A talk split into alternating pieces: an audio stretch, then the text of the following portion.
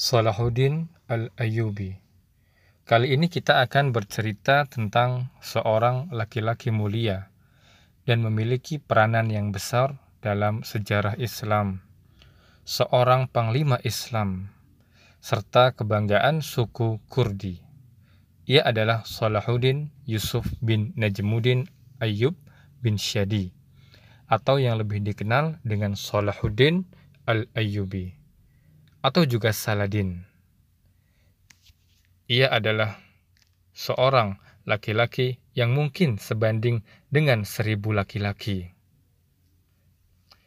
Asal dan masa pertumbuhannya Salahuddin al-Ayubi adalah laki-laki di kalangan ajam atau non-Arab. Tidak seperti yang disangkakan oleh sebagian orang bahwa Salahuddin adalah orang Arab. Ia berasal dari suku Kurdi ia lahir pada tahun 1138 Masehi di kota Tikrit, Irak, kota yang terletak antara Baghdad dan Mosul. Ia melengkapi orang-orang besar dalam sejarah Islam yang bukan berasal dari bangsa Arab, seperti Imam Bukhari, Imam Muslim, Imam Tirmidzi, dan lain-lain. Karena suatu alasan, kelahiran Salahuddin memaksa ayahnya untuk meninggalkan Tikrit, sehingga sang ayah merasa kelahiran anaknya ini menyusahkan dan merugikannya. Namun kala itu ada orang yang menasihatinya, engkau tidak pernah tahu, bisa jadi anakmu ini akan menjadi seorang raja yang reputasinya sangat cemerlang. Dari Tikrit, keluarga Kurdi ini berpindah menuju Mosul. Sang ayah Najmuddin Ayub tinggal bersama seorang pemimpin besar lainnya, yakni Imaduddin Az-Zanki. Imaduddin Az-Zanki memuliakan keluarga ini, dan Salahuddin pun tumbuh di lingkungan yang penuh keberkahan dan kerabat yang terhormat.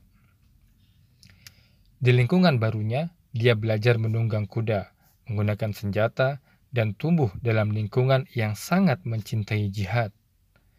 Di tempat ini juga Salahuddin kecil mulai mempelajari Al-Quran, menghafal hadis-hadis Nabi Shallallahu Alaihi Wasallam, mempelajari bahasa dan sastra Arab dan ilmu-ilmu lainnya. Sebelum kedatangan Salahuddin Al-Ayubi, Mesir merupakan wilayah kekuasaan kerajaan Syiah, Daulah Fatimiyah. Kemudian pada masa berikutnya, dinasti Fatimiyah yang berjalan stabil mulai digoncang pergolakan di dalam negerinya. Orang-orang Turki, Sudan, dan Maroko menginginkan adanya revolusi. Saat itu, Nuruddin Mahmud, paman Salahuddin, melihat sebuah peluang untuk menaklukkan kerajaan Syiah ini. Ia berpandangan penaklukan Daulah Fatimiyah adalah jalan lapang untuk membebaskan Yerusalem dari kekuasaan pasukan salib. Nuruddin benar-benar merealisasikan cita-citanya.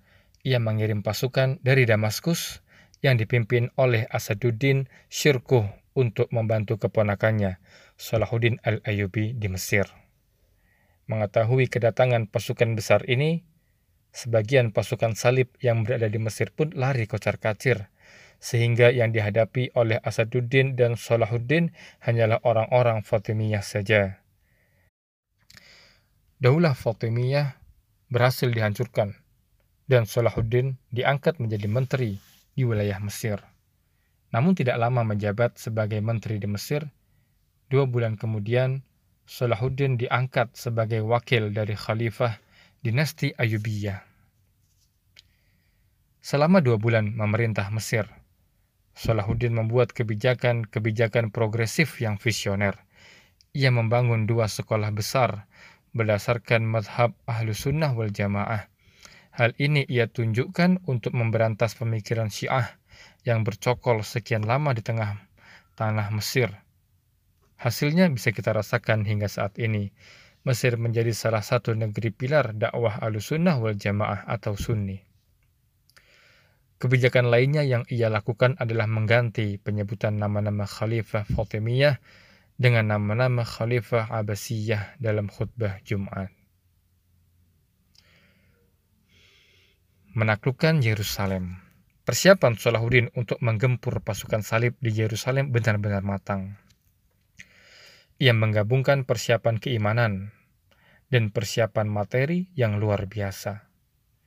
Persiapan keimanan ia bangun dengan membersihkan akidah Syiah Batiniyah dari dada-dada kaum muslimin dengan membangun madrasah dan menyemarakkan dakwah. Persatuan dan kesatuan umat ditanamkan dan dibangkitkan kesadaran mereka menghadapi pasukan salib. Dengan kampanyenya ini, ia berhasil menyatukan penduduk Syam, Irak, Yaman, Hijaz, dan Maroko di bawah satu komando. Dari persiapan non-materi ini terbentuklah sebuah pasukan dengan cita-cita yang sama dan memiliki landasan keimanan yang kokoh. Dari segi fisik, Salahuddin mengadakan pembangunan markas militer, benteng-benteng perbatasan, menambah jumlah pasukan, memperbaiki kapal-kapal perang, membangun rumah sakit, dan lain-lain. Pada tahun 580 Hijriah, Salahuddin menderita penyakit yang cukup berat. Namun dari situ tekadnya untuk membebaskan Yerusalem semakin membara. Ia bertekad apabila sembuh dari sakitnya, ia akan menaklukkan pasukan salib di Yerusalem, membersihkan tanah para nabi tersebut dari kesyirikan Trinitas. Dengan karunia Allah, Salahuddin pun sembuh dari sakitnya. Ia mulai mewujudkan janjinya untuk membebaskan Yerusalem. Pembebasan Yerusalem bukanlah hal yang mudah. Salahuddin dan pasukannya harus menghadapi pasukan salib di Hatin terlebih dahulu. Perang ini dinamakan Perang Hatin perang besar sebagai pembuka untuk menaklukkan Yerusalem. Dalam perang tersebut,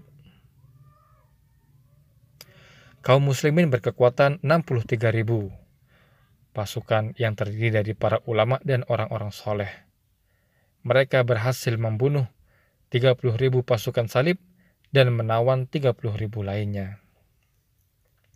Setelah menguras energi di Hatin, akhirnya kaum muslimin tiba di Al-Quds, Yerusalem, dengan jumlah pasukan besar. Tentara-tentara Allah ini mengepung kota suci itu. Perang pun berkecamuk. Pasukan salib sekuat tenaga mempertahankan diri. Beberapa pemimpin muslim pun menemui syahid mereka, insya Allah dalam peperangan ini. Melihat keadaan ini, kaum muslimin semakin bertambah semangat untuk segera menaklukkan pasukan salib. Untuk memancing emosi kaum muslimin, pasukan salib memancangkan salib besar di atas Kabatus Sakhrah. Salahuddin dan beberapa pasukannya segera bergerak cepat ke sisi terdekat dengan Kubatus Sakhrah untuk menghentikan kelancangan pasukan salib. Kemudian kaum muslimin berhasil menjatuhkan dan membakar salib tersebut. Setelah itu, Jundullah menghancurkan menara-menara dan benteng-benteng Al-Quds. Pasukan salib mulai terpojok. Mereka tercerai berai dan mengajak berunding untuk menyerah. Namun Salahuddin menjawab, Aku tidak akan menyisakan seorang pun dari kaum Nasrani, sebagaimana mereka dahulu tidak menyisakan seorang pun dari umat Islam ketika menaklukkan Yerusalem. Namun pimpinan pasukan salib, Balian bin Bazran mengancam, jika kaum muslimin tidak mau menjamin keamanan kami, maka kami akan bunuh semua tahanan dari kalangan umat Islam yang jumlahnya hampir mencapai 4.000 orang. Kami juga akan membunuh anak-anak dan istri-istri kami, menghancurkan bangunan-bangunan, membakar harta benda, menghancurkan kubatus sakhrah, membakar apa pun yang bisa kami bakar, dan setelah itu kami akan hadapi kalian sampai darah penghabisan. Satu orang dari kami akan membunuh satu orang dari kalian. Kebaikan apa lagi yang bisa engkau harapkan? Inilah ancaman yang diberikan pasukan salib kepada Salahuddin dan pasukannya. Kabutus Sakhr ini saat ini biasa kita kenal dengan nama Dome of the Rock.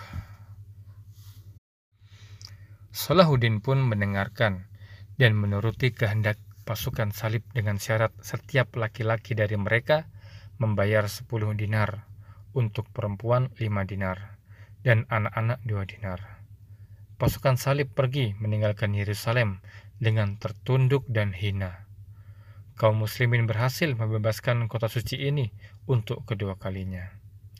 Salahuddin memasuki Yerusalem pada hari Jumat, 27 Rajab 583 Hijriah atau 2 Oktober 1187. Kota tersebut kembali ke pangkuan umat Islam setelah selama 88 tahun dikuasai oleh orang-orang Nasrani. Kemudian ia mengeluarkan salib-salib yang terdapat di Masjid Al-Aqsa, membersihkannya dari segala najis dan kotoran, dan mengembalikan kehormatan masjid tersebut. Wafatnya sang pahlawan Sebagaimana manusia sebelumnya, baik dari kalangan nabi, rasul, ulama, panglima perang dan yang lainnya, Salahuddin pun wafat meninggalkan dunia yang fana ini. Ia wafat pada usia 55 tahun pada 16 Sofar 589 Hijriah di kota Damaskus. Ia meninggal karena mengalami sakit demam selama 12 hari. Orang-orang ramai menyolati jenazahnya. Anak-anaknya, Ali, Uthman, dan Ghazi turut hadir menghantarkan sang ayah ke peristirahatannya. Semoga Allah meridhoi, merahmati dan membalas jasa-jasa engkau, wahai pahlawan Islam, sang pembebas Yerusalem.